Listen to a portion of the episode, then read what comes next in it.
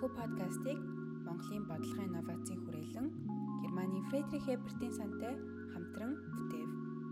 Антол подкастаараа дамжуулан хөгжлийн бэхжилтэд эргээд тэдний төрсэн асуудлын талаар нин уггүй ярилцах болно. Сайн байцгаана уу эрхэм мөндөд сонсогчдоо. Антол подкастын маань ээлжид дугаарыг хэлэхэд бэлэн болоод байна. За энэхүү дугаард 116 дугаар сургуулийн бага ангийн баг шингэцүүл оролцож байна. За та урилгыг минь хүлээн авч манай подкастт орохоор болсон маш их баярлаа. За баярлалаа. Танаа юунд урилгаар бас энэ энэ хүү ярилцлагад орох гэж байгаа да миний бие ч гэсэн маш их баяртай байна. Аа. Та манай сонсогчид маань одоо өөрийгөө товч танилцуулахгүй юу? За. За би 1987 онд багшийн сургууль төгсөөд багангийн багш мэрэгжил эзэмшээд тэгээ багш болоод анхны томилт 25 дугаар тусгай сургуульд багшаар ингэж очиж исэн. Тэгээ тэр цагаас хойш би одоо ерөнхий боловсролын сургуульд ердөө багшлаагүй дандаа тусгай сургуульд оюуны бэрхшээлтэй хүүхэд болон харааны бэрхшээлтэй хүүхэдтэй 34 жил ажилласан байна. За одоо тэг эх жил 35 дахь жилдээ ажиллаа тэгээд тэтгэвртэй гарах хүсэлтэй байгаа. Аха. Аа та анх ингээд хөгжлийн бэрхшээлтэй хүүхдүүдэд багшлахад гэж анх ингээд их сургуулаа төгсөд очиход юу танд ямар санагдчихсэн бэ? За мэдээж 87 онд чинь социализм үе тийм ээ. Тэгээ би чи өөрөө бас хорхон настай. Тэгээ ер нь бол намайг бүр хүүхэд байх юм. Би чи Улаанбаатар хотын 5 дахь 10 жилийг төгссөн. Тэгэл одоо хотод бол ер нь жоохон сурлагаар тааруу ч юм уу эсвэл одоо сахилга батар жоохон доголдолтой тиймэрхүү хүүхдүүдийг ер нь бас сургуульд одоо тэр мэдрэлийн 25-д шилжүүлнэ шүү гэсэн ийм айлгадаг ч юм уу ер нь од шилжиж одоо тийшээ явж суралцдаг тийм байсан шүү дээ. Тэгээ ер нь бол сайн мэдэхгүй би бол тусгай сургууль гэж юу гэдгийг мэддэггүй байжгаад тэгээ одоо 25 дугаар сургуульд хуваарлагдсан тухайн үедээ би бол маш их айцтайсэн. Одоо би яаж ажиллах юм болоо тэнд чи одоо мэдрэлийн 25 дандаа одоо тэр мэдрэлийн өвчтөе тийм хүүхдүүд байгаа би одоо ажиллаж чадахгүйгээл би үнэндээ хуваар тамилтаа аваад уйлчижсэн үнэндээ бас тийм байсан. Тэгээ яг хөтэ Улаанбаатар хотод хуваарлагдаж үлдэн гэдэг бол тэр үед баг байдаггүй асуудал дандаа хөдөө хуваарлагддаг байсан шүү дээ. Тэгээ яг ямар ч хэлсэн хотод хуваарлагдсан юм чинь би одоо нэг төр ажиллаад ямар ч хэлсэн өөр сургууль руу шилжиндэл гэсэн бодолтойгоор л одоо очижээ л. Аа тэгээ очоод хоёрдугаар анги аваад ажилласан. Юу миний төсөөлж исэн нөгөө тэр айхтар одоо шүл самаагаа ожилсан мэдрэл өвчтөе одоо тийм хүүхдүүд биш. Хичнээн хөөрхөн одоо тийм үнэнчтэй за яг хөө мэдээч хэрэг ахын хоцрогдол сурлагаар нилээн хоцрогдсон. За зарим хүүхдүүд нь одоо нэлээд эмчийн онштой хүндхэн одоо бидээ те өрөөсөө агтсан ийм өвчтөе те тэрнээсээ болоод одоо ингэж удаан хугацаагаар имийг одоо хүлээж авдаг иймэрхүү байдалтай л хүүхдүүд байгаа болохоос биш.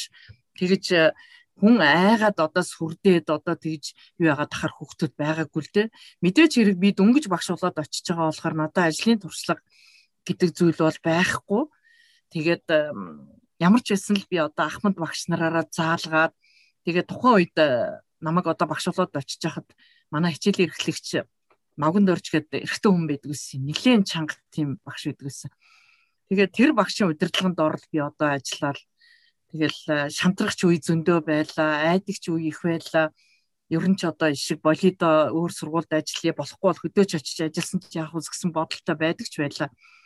Гэхдээ бол үнэхээр энэ хүүхдүүд гэдэг хүүхдийн энэ гоё энерги, хүүхдтэй ажиллах энэ сайхан ажил өөрийн ирэхгүй намайг багш болгоод нэг мэдсэн чил би ч одоо бүр 25 дугаар сургуульд айгүй он удаан жил ажиллажсэн маш олон хүүхдүүдийг сургаж хөгжүүлээд ингээд амьдралын замд нь гаргачихсан нэлээд туршлага хоримтлуулсан ийм багш болцсон байлаа штэ. Одоо би бол эргээд одоо ерэн ажиллаж исэн өмнөх үеэ ингээд эргээд дуусгахад би айгүйх баярлдаг штеп. Ягаад би бас энэ сургуулийг ороход ингээд явчихаагүй те. Яг үнэнчээр би одоо энэ тусгай сургууль төгслийн бэрхшээлтэй хүүхдүүдтэй ингээд 34 жил ажиллаад ингээд ирцэндээ би одоо эргээд бас өөр өөр бахархмаар ч юм шиг тийм л бодогдчихэв. Аха тухайн танд яг юу нь өлөөлөө та сургуультай ингээд үлдэхэр болов? Ерөөсөө л хүүхдтэй энэ хөгжлийн бэрхшээлтэй хүүхдүүдийн одоо өөрсдийнх нь энэ байгаа байдал хүний одоо тэгж их сайхан хайр татсан аа тэгээд маш их одоо энэ хүүхдүүдтэй ажиллахад би өөрийгөө айгүй хөгжүүлэх хэрэгтэй байсан. Тэгэл одоо ажлынхаа хажуугаар байнга ингэж хүүхдүүд энэ хүүхдүүдтэй би одоо зөв арга замаар ажиллах тийм ээ. Энэ хүүхдүүдийг ямар ч хэсэн амьдралын замд би хүрэхин төлөө өөрөө маш их хичээж ажиллахын тулд өөрөө хөгжих хэрэгтэй байсан л да. Айгүйх завгүй ингэж ажиллаж ялаа.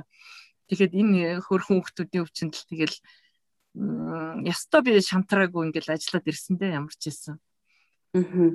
Аа тухайн үед таныг одоо их сургууль сурж явах үед хөглийн бишэлтэй хүүхдүүдэд одоо ингэж заах ёстой гэсэн тийм тусгай тийм хичээл юу н орж исэн үү? Орж байгаагүй. Ерөөсөө би ч нөгөө нэг банкгийн багшаар анх төгсөжсэн болохоор ер нь бол банкгийн багш одоо тэр бүх хичээлүүдийг заадаг байсан шүү дээ тий. Тэр хичээлүүдийг л одоо заах арга зүй. За тэгээд сэтгэл судлал сургана л гэж орж исэн болохоос биш яг одоо энэ хөслийн бэрхшээлтэй хүүхдээ ийм арга хэрвээ танаа ингэж байвал ингэж ингэж ажиллая шүү гэсэн тийм арга зүй ер нь тухайн үед өгдөггүй байсан шүү дээ. Тэгэл амьдрал дээр л яг ажил дээр гараад л энэ хүүхдүүдтэй ажиллах арга барилаа олж аваад яванда би ажлын авцад тэгэл а тэр согд зүү те одоо тэр тусгай сурган гэдэг юмар суралцаал тэгээд л арга барилаа олж авсандаа ажлын туршлага бол надад маш их нөлөөлсөн байна. Аа. Одоо болохоор жишээлх юм бол Монгол улсын их сургууль ч юм уу одоо багш нарыг бэлтгэдэг сургуулиудад тусгай хэргийг хэрэгцээд одоо сургаал шаардлагатай тийм хүүхдүүдэд хичээл одоо ингэж арах заах хэрэгтэй гэсэн тийм арга зүй ч юм уу тиймэрхүү нэмэлт хичээлүүд юу н одоо ордог болов одоо бол орж байгаа баха би ер нь орж байгаа ах л гэж бодоод байна ерөнхий эрдмийн э, чиглэлийн хичээлүүдийн багш нарт бол тодорхой хэмжээний кредит цагууд бол байгаа байх гэж бодож штэ. Ялангуяа тэр сэтгэл сурвал э, сэтгэл судлал сургамыг дагаад бол энэ э, сог судлал тий тусгай хэрэгцээд боловсролын чиглэлээр хичээлүүд бол орж байгаа байх. А тэгвэл бол мобистер одоо бүр тусгай хэрэгцээд боловсролын багш бэлтгэх тийм тусгай анги нэгдэд ирсэн штэ. Одоо ер нь хоёр ч төгсөлт болцсон баг шүү. Аа одоо тэрийг төгссөн төгсөгч нар маань одоо ингээд тусгай сургуулиудад багшилж байгаа ах тий. Өмнө нь болохоор таны үед гэх юм бол яг гоо ингээд бүр ингээд цаанаасаа ингээд усаас хуваарлаад за чи энэ сургуульд ингээд зааг ч юм уу ингээд хуваарлагдаад явдаг байсан л одоо бол ингээд хүмүүс тэр сургуулийг төгсөөл тэгээ сайн дураараа ирж багшилж байгаа л гүү тий. Тий одоо бол ер нь тусгай сургууль намайг анх багшуулаад очиж хахад бүх тусгай сургуулиудад хойно Оросын холбооны улс улсад э, төгссөн согзууч технологичд нэгэн байсан. Тэгээд э, ер нь бол нэг сургуульд нэг 7 8 согзууч технологичд байхад бусад багш нартаа ингээд заад сургаад ингээд яваад идэг байсан л да. А өшөө дээрэс нь бүр Оросоос ингээд мэрэгчлэн ирж бидэрт бүр ингээд сар болгон лекц сургалт ингэж явагддаг тийм байсан. А одоо бол тийм байхгүй юунууд тэр сог зүүчт маань ер нь бол бүгд тэтгэврийн нас болоод ингээд тэтгэвртэй суугаа явцсан. Араас нь ер нь дахин одоо энэ хойно одоо бэлтгэгдсэн тийм сог зүүчд бараг байхгүй болсон шүү дээ. Одоо ер нь ажиллаж байгаа цөөхөн хэдхэн сог зүүчтэл байгаах. Тийм учраас юу яаж ин манах Монголдо бэлтгээд эхэлсэн л дээ. Эхлээд энэ багшийн дээдэд анги нээхээс өмнө тусгай сургуульд ажиллаж байгаа залуу багш нарыг нэг жилийн хугацаатай тусгай хэрэгцээд боловсролын багш гэсэн мэрэгснээр одоо төгсгөж диплом олгож ирсэн юм. Тэрүүгээр бас энэ одоо ажиллаж байгаа нэлээд олон багш нар бас энүүгээр мэрэгшиж авсан байгаа. А одоо бол ер нь бүр тусгай хэрэгцээд боловсролын багш бэлтгэх ангитай болцсон юм байгаа. Тэгэхээр бол явандаа бол манай тусгай сургуулиуд мэрэгжлийн боловсруулагчнаар нэлээд сайн хангагдаж ирэх байхаа гэж бодож байна. Тэгээд ер нь бас гадаад харилцаач бас нэлээд сайжирч байна.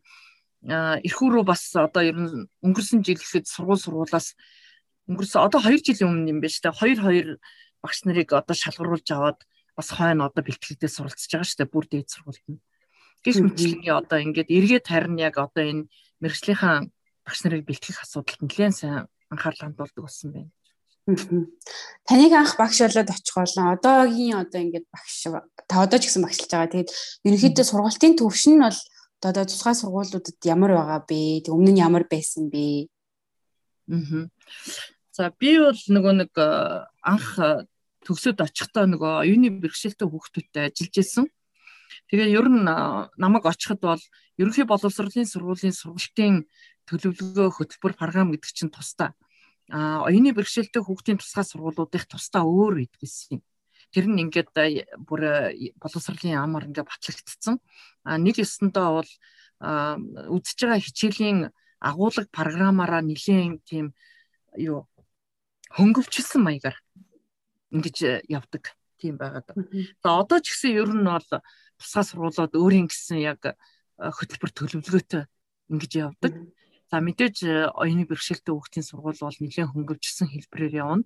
Аа сонсголын бэрхшээлтэй хүүхдийн 29 дугаар сургууль манай 116 дугаар сургууль хоёр бол ерөнхийдөө програм ерөнхий эрдмийн хичээлүүдийн агуулга бол ерөнхий боловсролын сургуулийнхтай нэлээд ойролцоо тэгж явдаг. Ягаад гэвэл эдгээр хүүхдүүд маань бас 12 дугаар анги төгсөөд ээш өгч ихтэй сургуульд элсэх ийм бүрэн болцоотой байдаг учраас ерөнхий боловсролын сургуулийн хөтөлбөр төлөвлөгөөг бол нэлээд дагаж явдаг юм байна. Сүүлийн жилүүдэд одоо ямар ер нь ахиц дэвшил гарсан би тусгай боловсролын хувьд ер нь таны бодлоор За ахиц э, бол гарсан гарсан. Ер нь бол нэлээд ахиц гарч ийн. Ялангуяа бол энэ хүүхдүүдийн бас энэ сурах хөтөлбөр төлөвлөгөөн дээр бол нэлээд шинжилгээнүүдийг бол хийгээд өгсөн байгаа. За жишээлбэл одоо энэ харааны бэрхшээлтэй хүүхэд чинь зөвхөн харааны бэрхшээл ганцхан энэ бэрхшээлээр юу яатсан хүүхэд сурахгүй байгаа штэ. Ер нь сүүлийн үед одоо манай энэ сургуулийн баг ингээд харааны бэрхшээлээс дээр бусад өөр бэрхшээл одоо хавсарцсан юм хүүхдүүд нэлээд олон байна. За жишээлбэл одоо манай анги 7 хүүхэдтэй. Тэгээ энэ 7 хүүхдийн 6 нь бүгдээрээ давхар бэрхшээлтэй байна. Тэгэхээр одоо юу гэсэн үг вэ гэхээр харааны бэрхшээлтэй давхар аутизм гэсэн онцтой байна. Харааны бэрхшээлтэй ТЦП одоо тархин саажилттай гэсэн онцтой хүүхэд байж байна. Тэгээ харааны бэрхшээлтэй оюуны одоо тийм одоо хөнгөн хэлбэрийн ийм хүүхдүүд байж байна. Гэх мэтчлэн ингээд давхар онцлогдоод ингээд ирж байгаа хүүхдүүд байна л да. Эдгээр хүүхдүүд бол одоо яг ерөнхий боловсролын хөтөлбөрийг дагаж одоо тэгж хичээлэх боломж байхгүй. Тэгэхээр тэдгэр хүүхдүүдэд тохирсон бас сургалтын төлөвлөгөө одоо ингээд гаргаж өгөөд бас ингээд тэдгэр хүүхдүүдтэй ажиллаж байгаа ийм ийм хүүхдээ ойлгож сургалтынхаа агуулга сургалтаа явуулдаг ийм сайхан дэвшилттэй юу гараад байна штэ. За тэгээд одоо нөгөө хөгжлийн бэрхшээлтэй хүүхдүүдийг одоо ингэж нийгмээс айхтар ингэж тусгаарлаад ингэхээ одоо их болсон байна. Ер нь бол манай төр засагч тэр дээр боловсролын яам энэ манай тусгай сургуулиудаа их сайн дэмжиж тийм ээ хөгжлийн бэрхшээлтэй хүүхдүүдэд бас сургаж хүмүүжүүлэх тал дээр бол айгүй анхаарал тавьж ажилладаг болсон байна. Энд бол ер нь багш нар бид нар бас мэдгэдэггүй айгүйх тийм ахиц өөрчлөлт гарч байгаад их баяртай байдсан шүү дээ. Цаашид ч гэсэн нэлээд бас ахиц өөрчлөлтүүд гарах бах гэж бодож байгаа. Аа ер нь бол дутагдж гачигдж байгаа бас бэрхшээлтэй зүйлүүд ч бас байгаа. А тэгтээ бол дандаа нэг хуучнараа ингэж байгаад байна гэсэн юу бол байхгүй. Ямар ч хэлсэн бол ахиц өөрчлөлт бол нэлээд сайн гарч байгаа. Аа таныг тэгээд заагаад явж явах хугацаанд ерөнхийдөө ямар хүндрэл бэрхшээлтэй талууд юу гарч исэн бэ? Аа.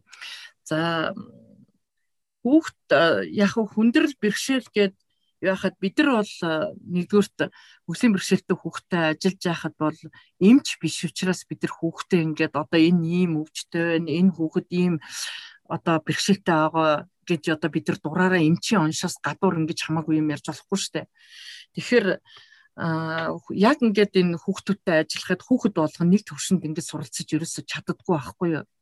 Тэгэхээр бид нар хүүхдээ ингээд айгүй сайн мэдрэх хэрэгтэй. Жишээлбэл энэ хүүхэд багасаа одоо ямар өвчнөр өвдөж ирсэн бэ тийм ээ?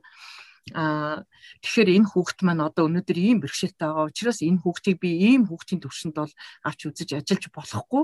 Тэгэхээр энэ хүүхдэд яг тохирсон арга барилаар би ингэж ажиллана гэсэн ийм одоо чиглэл бид нар бариад ажиллана. Аа гэтэл зарим хүүхдүүдийн онш ингээд буруу тавигдсан эсвэл одоо хүүхдийн онш тодорхой бус ийм хүүхдүүд ирэхэд бидэрт аюул хэцүү байдаг байхгүй юу. Тэгэл нөгөө цаанаасаа бид нар одоо ингээл за өнөөдөр одоо тооны хичээл дээр ирэхэд бид нар ингээд 100 доторх 10-ын 100 доторх архимед үйлдэлийг одоо ингээд үзэж байна гэл тэгэхэд зарим хүүхдүүд одоо өөрийнхөө тий бэрхшээл өвчлөлөөсөө болоод тэрийг одоо маш удаан хугацаанд ойлгох тэр хүүхдтэй маш өөр арга барилаар ажиллах юм шаардлагатай болоод идэх байхгүй. Тэгээ гих мэтлэнгийн зүйл дээр бас бидэрт бол нэлийн бэрхшээл тулгардаг зүйлүүд байдаг л та. Тэгээд яг одоо энэ хүүхдийн оншилгоо энэ хүүхдийн яг одоо энэ сурах арга барилд нь зөв юу хийж явахгүй бол бас хүүхэд хохирох асуудал бас гарах гад идэгин.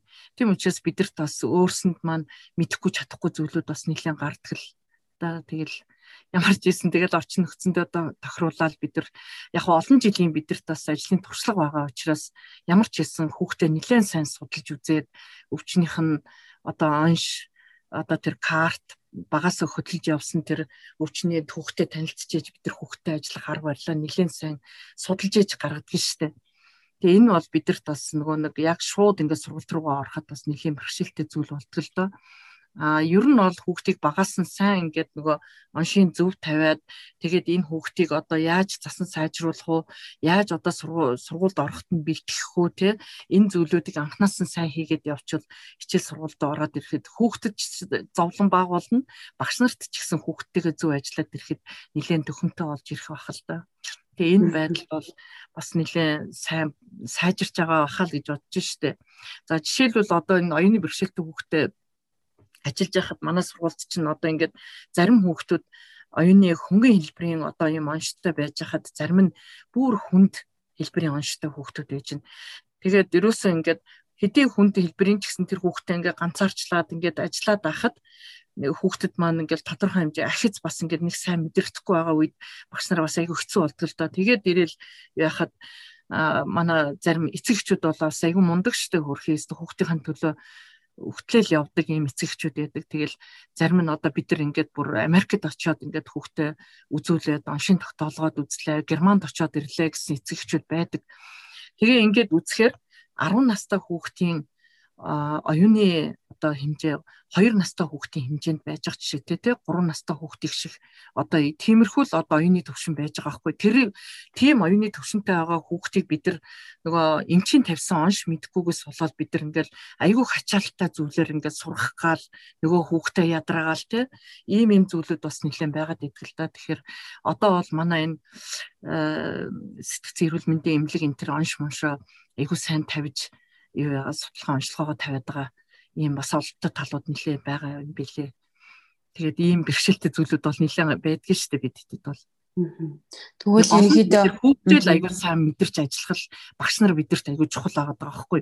Тэрнээс ерөнхий боловсролын сургуулийн одоо нэг ангид за өнөөдөр 35 хүүхэд ороод ирлээ гэхэд 35-уулаа эрүүл саруул ямар хөөрхөнтэй дуун хангинаад л ийм сайхан цогтой ингээд хүүхдүүд орж ирж байна. Бүгдэнд нь ингээд багш суулгаад э, өнөөдрийн хичээл одоо би өсхийг заагаад ингээд ямар үгнүүдийг уншуулад ингэж энэ бүгд айгүй сайхан жигдэх ингээд суралцаад гарах бололцоо байж хат манай тусгай сургуульд бол тийм бололцоо бас айгүй хүнд байдаг. Тэгэхээр багш нарын ачаал бол бид нар хэдийгээр ингээд нөгөө хуулинд заасны дагуу цөөх нэг ангид бусад хүмүүс сонсохоор гайхдаг л да одоо 7 хүүхэд байна 8 хүүхэд байна. Тэр байтугай 4 5 хүүхэдтэй ч ангууд байгаа.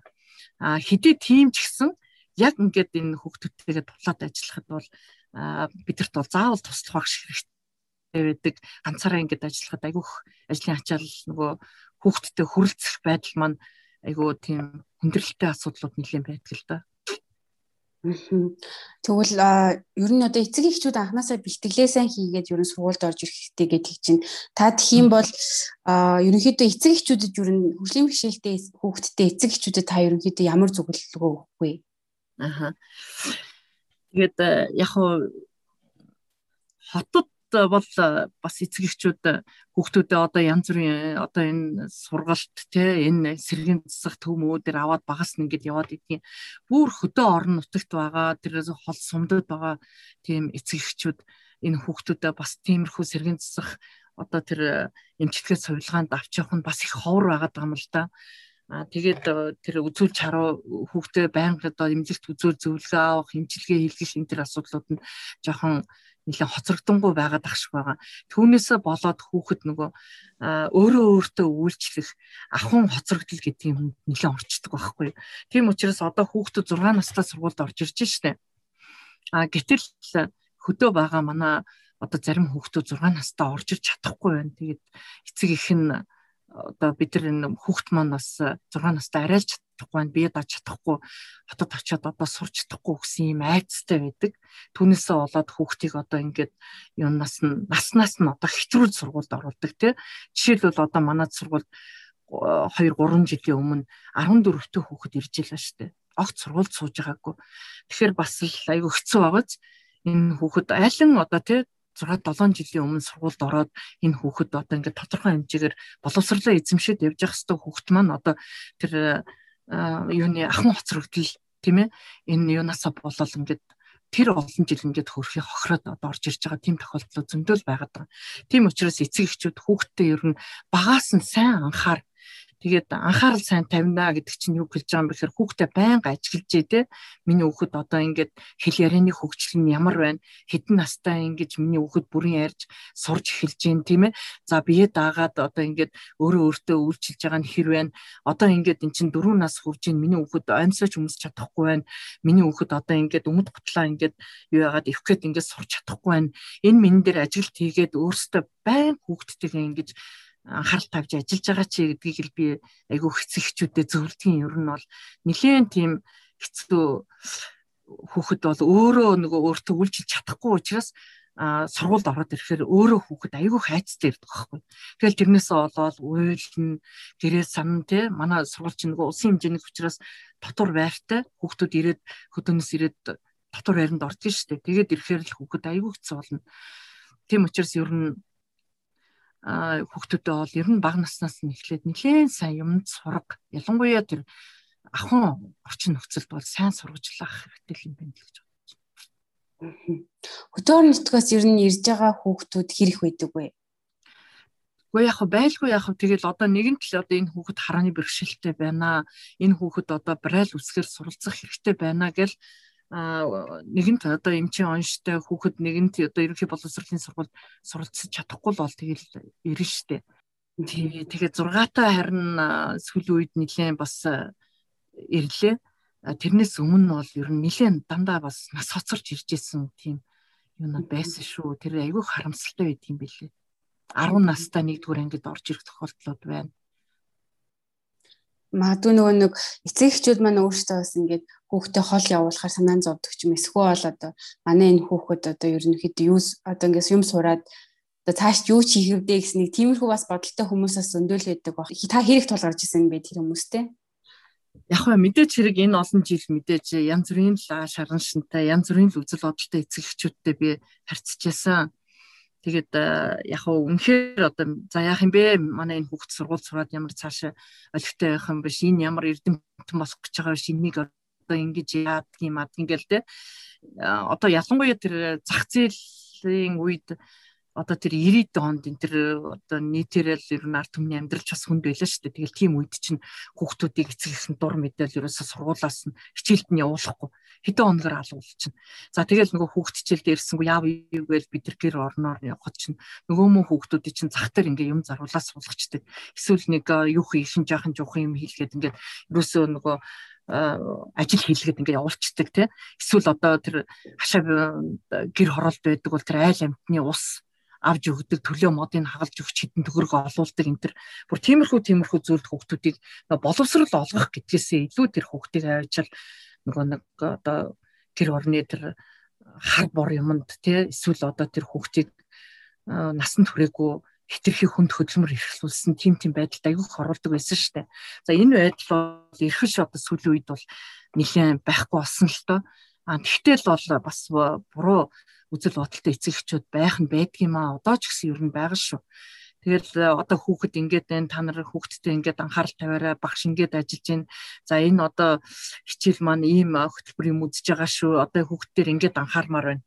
Гэл одоо санал тавихаар өө яах вэ яах вэ тэгээ наад хүүхд чинь өөрөө ингээд идэн яршиг яршиг. Гэл одоо тий э, ер нь бол хайхрахгүй тийм эцэгчүүд байдаг. Тэгэхээр хүүхэд бол өнөөдөр тэр хэрвээ хөгжлийн бэрхшээлтэй байлаа тэр хүүхэд өвчтөй байлаа эцэг эц тэр хүүхдийн буруу биш шүү дээ тийм ээ. За эцэг эхчүүдийн ч буруу биш. Тэгэхээр яг одоо байгаа одоо тэр хүүхдээ хүүхдээ ойлгож тийм ээ миний хүүхэд хинээс ч дутахгүй одоо суралцаж хинээс дутахгүй амьдрах ёстой гэдэг ийм үзэл бодлоор л хүүхдтэй хайрлж хүүхдтэй анхаарал халамжаа тавьж хүүхдийн асаргааг сайн хийж өгөөд ингээд явах юм бол энэ хүүхдүүд ямар хөөрхөн гэж бодно. Өнөөдөр миний 30 хэдэн жил ажиллаад тийм ээ ажилласаа би өнөөдөр хөндөрч хачраагүй энэ ажилдаа дуртай болох болсон энэ зүйл маань цэвэр хүүхдүүдийн л ач гавья шүү дээ. Хүүхдүүд намайг одоо өнөөдөр ийм болгосон шүү дээ. Тэрэн шиг өнөөдөр хүүхэд болгон эцэг ихээ баярлуулж, хүүхэд болгон сайн хүн болж явах ёстой. Энийг л эцэг эхчүүд сайн хараасаа л гэж би боддог гэж дээ. Тэрнээс хөгжлийн бэрхшээлтэй энэ бол цаашаа олиггүй явна гэсэн тийм бурангуй ойлголттой эцэг эхчүүд бас байвал одоо алтагаа засараа тийм ээ ийм байж болохгүй таны хүүхэд бол бусдаас содон мундаг хөгчүүл гэж би хэлмээр байна. Ер нь хөгжлийн бэрхшээлтэй хүүхдэд ер нь боловсрал ер нь хэр чухал вэ таны бодлоор? Айгүй чухал штэ. Мундаг чухал байна. За тэгээд ялангуяа хүүхэд өөрөө өөртөө тохирсон боловсролыг зөв аавна гэдэг л бол аюу чухал. А тэрнээс нийтийн дунд одоо ингээл суулгачаад энэ өнөдөр чадчихад хийж чадахгүй байх гэсэн ийм үзлэр биш. А хэдийгээр одоо хүүхдүүдтэй бүгдээр хамтран суралцж байхад тэр хүүхэд яг өөртөө тохирсон боловсролоо зөв авсан байх л хэвээр. Тэгэхэд л тэр хүүхэдтэй цаашаа бол тийм юу том болоод өөрөө өөрийгөө аваад явах ажил хөдөлмөр эрхлэлт маш том хувь нэмэр болно шүү дээ. Хүүхдийг ер нь багтан л тэгж үл томсорлож хайж болохгүй байгаа. Одоо тухайн одоо тэр хүмүүст ер нь тэр тухайн тэр хүмүүс болон тэр эцэг эхчүүд ер нь яаж нөлөөлвөл ер нь одоо эргээр хүлээж авч одоо мань миний хүүхэд ч гэсэн одоо ингээд цаашаа ингээд сурч хөгжих боломжтой юм байна гэсэн тийм танд нэг тийм бодож исэн гарц гаргалгаа байдаг уу? Аа. Яг уу би намайг ингээд залуу байхад ивүү байдаг гэсэн чинь манай Монгол улсын гурван яамны хамтарсан тийм судалгааны баг гэж байдаг гэсэн. Тэр нь эрүүл мэндийн яам одоо нийгмийн хамгааллын яам тэгээ боловсролын яамнаас ингээ хамтраад. Тэгээ жилд нэг удаа эднес чинь бүр Монгол улсынхаа бүх одоо тэр аймаг сумдуудаар явж хөгжлийн бэрхшээлтэй хүүхдүүд байна уу те ямар бэрхшээлтэй эдгээр хүүхдүүд одоо сургуульд орох хизээ болж гин хамрагдсан уу хамрагдаагүй юу? Энэ хүүхэд сургуульд ороход бэлэн үү? Цэцэрлэгт явж гин үү? Бүх талаас нь судалгаа хийгээд жил болгон одоо тийм тоон дүн гар гад тэрэн дээр одоо тулгуурлаад энэ хүүхдүүдийг боловсрал эзэмшүүлэх одоо энэ тал дээр эмчилгээнд одоо явуулах барих бүх асуудлыг одоо шийддэгс. Тэгээ тэр маань одоо энэ 90-ад оны үед тэр комисс дахиж тэгж ажиллахаа байцсан байхгүй юу. А хэрвээ одоо яг энэ судалгаа онцлогооны ийм баг яг ингээ өмнөх шиг ингээд гурван яамныхаар тийм чинь эмч нар явж гин багш нар явж гин тийм ээ нийгмийн халамжийнхан тэр явж гин тэгэхээр эдгээр улсууд явж байхдаа л ер нь тэр хүүхдүүдийг судлаад тэгээд тэр аймаг сумдуудын нийгмийн халамжийн байгууллага тэр боловсролын байгууллагуудаа уулзаж ярилцах эцэгчүүдийг дуудаж тэдгээрт одоо сургалт одоо тий зөвлөгөө өгөх ийм ажлуудыг сайн хийгээд байвал эцэгчүүд бол ойлгоно. Тэр хөдөө аслагдмал байгаа одоо хөгжлийн бэрхшээлтэй хүүхдийн эцэг эхчүүд одоо ялангуяа одоо малаа маллаад нааша хот орж ирэх завгүй те хүүхдэд анхаарал тавих цаг хомс ийм хүмүүс бол үнэхээр бас хэцүү эдгэн штэ. Тийм учраас бас нийгмээс одоо эднээс эцэг их хүүхдүүдэргээ бас хамтсан ийм зөв байгуул ажиллагаа нь нэлээд хийгдээсэй л гэж би бодоод байгаа. Тэгээ эцэг эхчүүдээ бас сайн ойлгуулах энэ ажлыг ер нь дээд дээд чатандаа ч гэсэн одоо энэ боловсрал хариуцж байгаа хүмүүс, нийгмийн хамгааллаа хариуцж байгаа хүмүүс, ялангуяа тэр хүүхдийг үзэж байгаа эмчнэр энэ төр сайн ойлгуулж шилжлэх хэвээр байх л гэж бодож байна л да.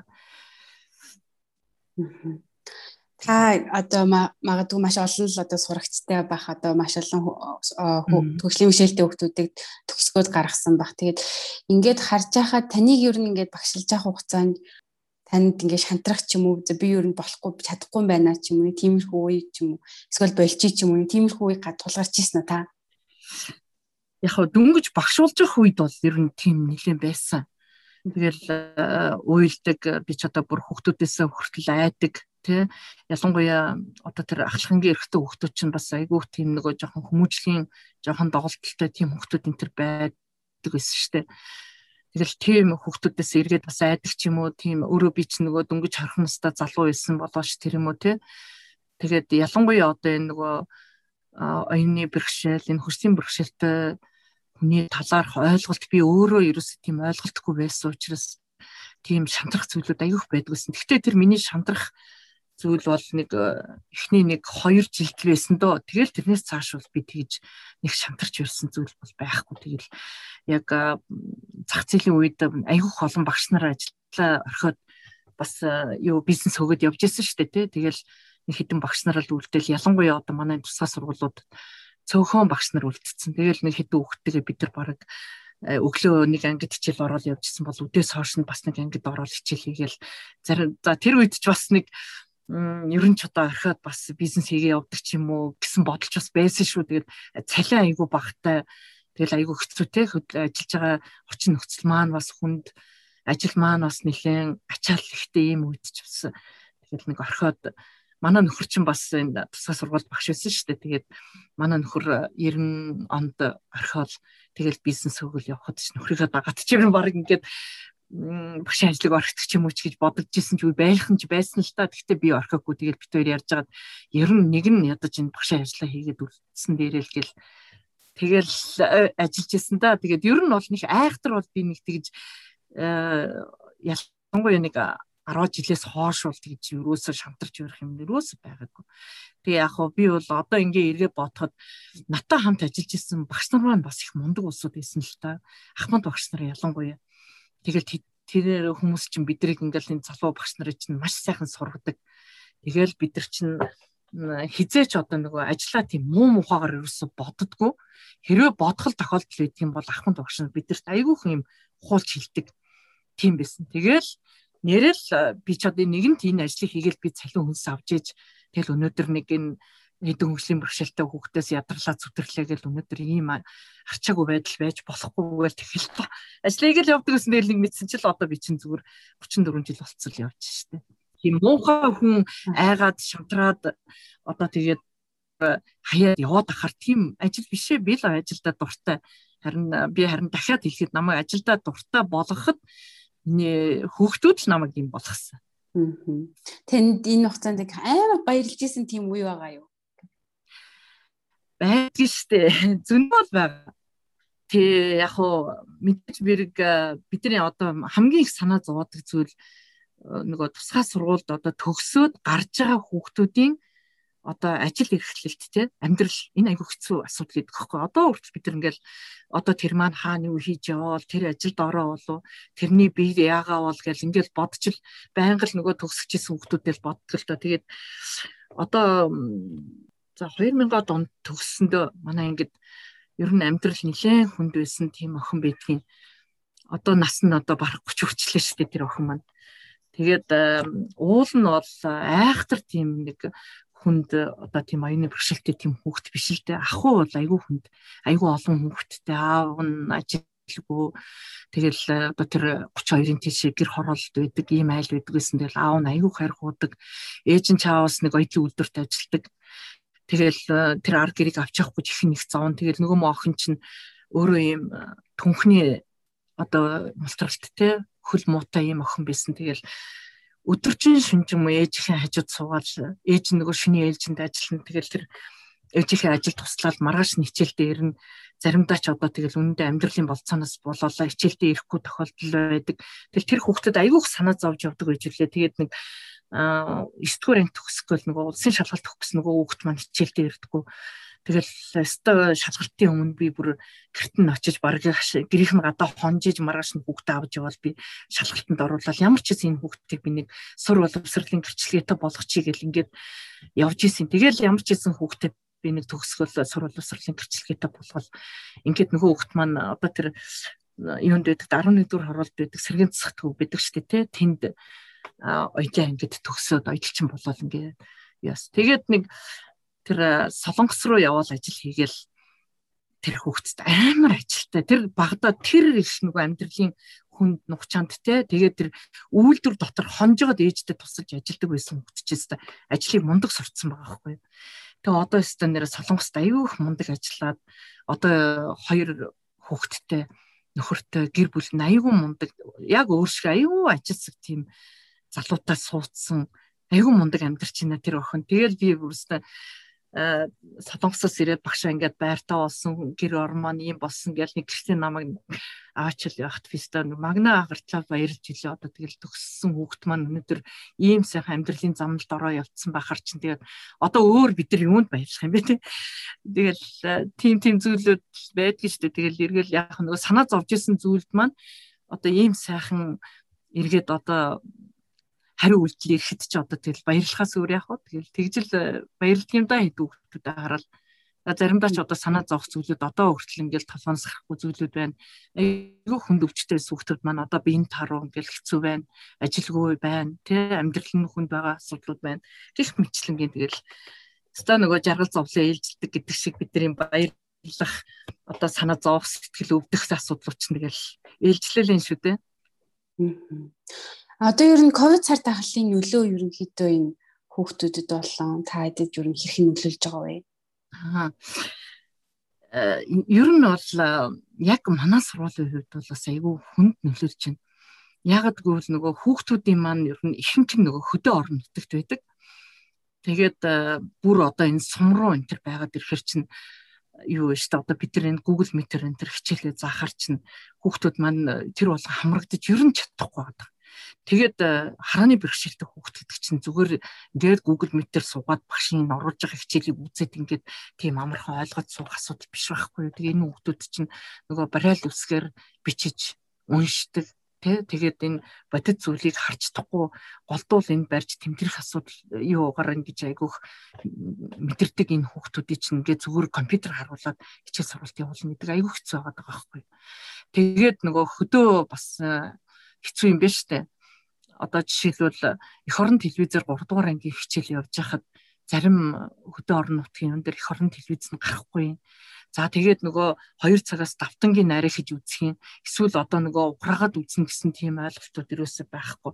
За тэгээд гэртээ компьютертэй хүүхэд байхгүй. Манай ангийн хүүхдүүдээс лав гэртээ компьютертэй хүүхэд байхгүй. Тэгээд телевизэртэй. А тэгэхээр миний одоо ингээд юугаар Google Meet-ээр өгж байгаа сургалт энэ төр дандаа нөгөө сонсох хэлбэрээр явна. Тэгээд сонсох хэлбэрээр явахаар нөгөөдөл чинь гар утас барина. Гар утас барихаар дата байхгүй. Айгүй хэцүү юм билий. Тэгэл э, яг нэг үйлхэд э, хүүхдүүд бол айгүй хэцүү байсан. Ер нь бол сая болов ер нь юунаас нэлээд хоцрогдсон байгаа. Тэгээ одоо өстө хизээ танхимаар эхэлдэг юм байгаа. Тэр үед бид нар нэлээд нухчиж хоцрогдлыг арилгахад ер нь бид нар асар их хугацаа, асар их одоо ачаал хэрэгтэй л болно доо. Тэгээд ерөнхийдөө тэгвэл оюуны бэрхшээлтэй болон харааны бэрхшээлтэй хүмүүсийн одоо тухайн хүмүүсийн онцлог нь ер нь юу юу байдаг вэ? Яг мэдээч хэрэг э, юу л да ерөнхий боловсролын сургуулийг бодвол одоо тэгэл нөгөө шууд харьцах одоо тэр харьцаал айгүй хэцүү байдаг шүү дээ манай хүүхдүүдэд. Ер нь бол ер нь одоо манай ангийн 7 хүүхэд гэхэд 7 өөр төвшний хүүхдүүд байна. Тэгэхээр өгж байгаа хичээлээ би яг ингээд 20 минутанд шинэ хичээлээ заачаал тэгэл яг ингээд хүүхэд болгонтой яг өөрөө өөртөө тохируулж би одоо ингэж сургалтаа ойл арга зүгээ гаргаж те тэгээд хүүхэд болгонтой ажиллаж ойлгуулах юм ажилтай байдаг учраас ер нь ганцаарчилсан үйл ажиллагаа айгүй хэрэгтэй ийм л зүйл гэдэг юм да сургалтын явцад бол. Аа. Таны бодлоор одоогийн ерөнхийдөө Монголын одоо тусгай хэрэгцээт боловсролын төвшин ер нь хэр байгаа гэж та боддог вэ? Үгүй яах вэ? Байггүй шүү дээ манайх бол бас ч гэж эн чинь 50 хэдэн жилийн түүхтэй дээ тусгай боловсрол чинь. Тэгэхээр ер нь бол социализмын үеэс ирээд анх одоо тусгай хэрэгцээт боловсрол байгуулагдсан цагаас эхлээд Оросын холбооны сургалтаар нэлээд явчихсан.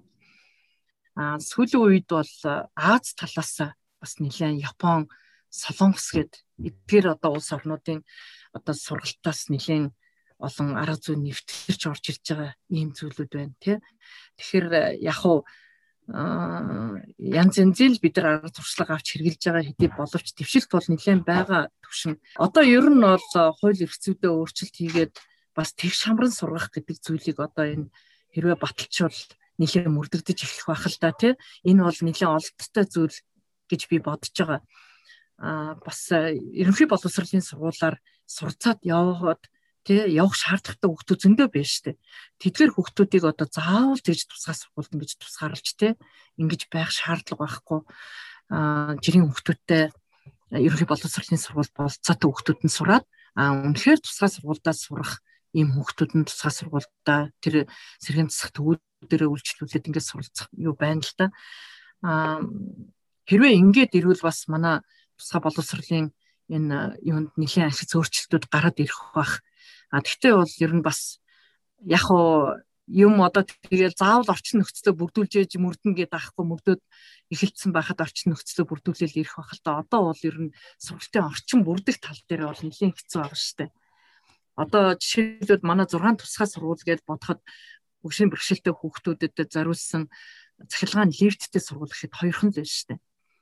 Тэ? Тэгэхэд бусад сургуулиуд 5 давхар сургууль байж гин дөрөв давхар сургууль байж гэн гурван давхарч хөгжлийн бэрхшээлтэй хүүхдийн өнөөдөр тэнд очиод өөрийнхөө хүслээр суралцъя гэхэд анхуу орчин нөхцөл бүрдээгүй ийм хэцүү зүйлүүд бол нэлээд бий. Хийгдэх ажлууд бол анхаарах зүйлүүд нэлээд их байгаах. А тэгвэл бид нар бол одоо тийм байна гэд ярахаас илүү хийж хэрэгжүүлэх ажил нь нэлээд их байгаах гэж бодож байна. За.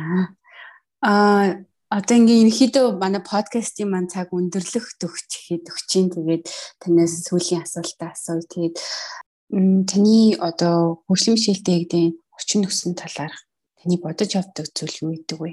За яг хоо би бол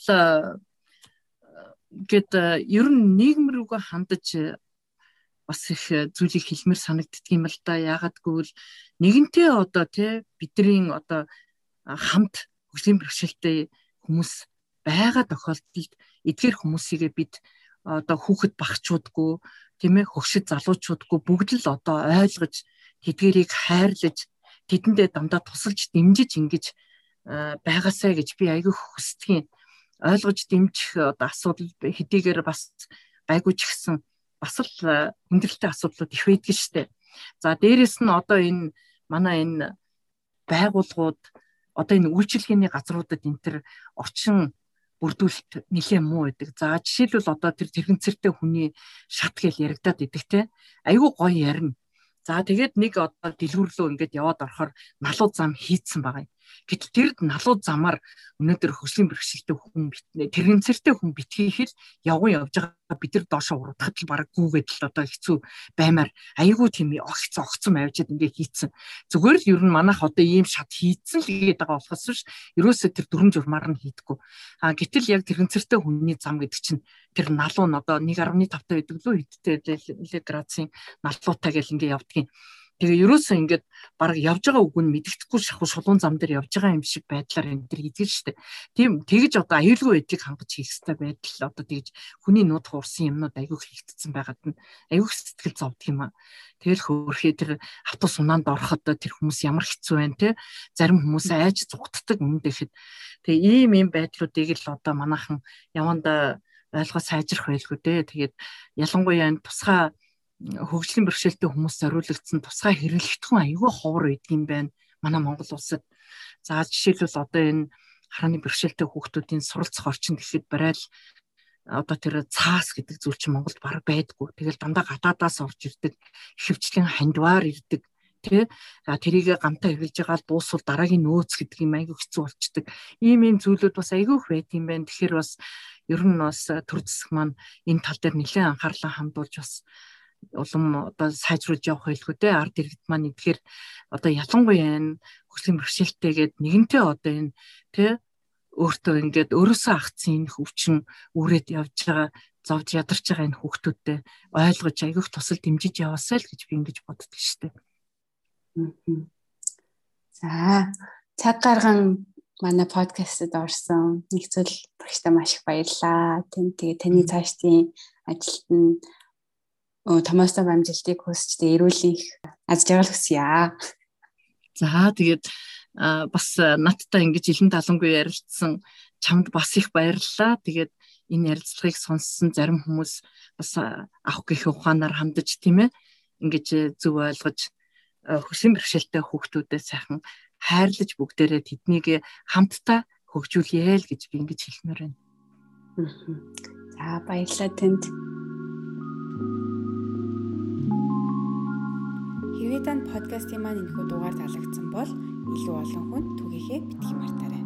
Мөн subscribe товчийг дарснаар та шинэ дугааруудыг маань цаг алдалгүй сонсох боломжтой болно шүү.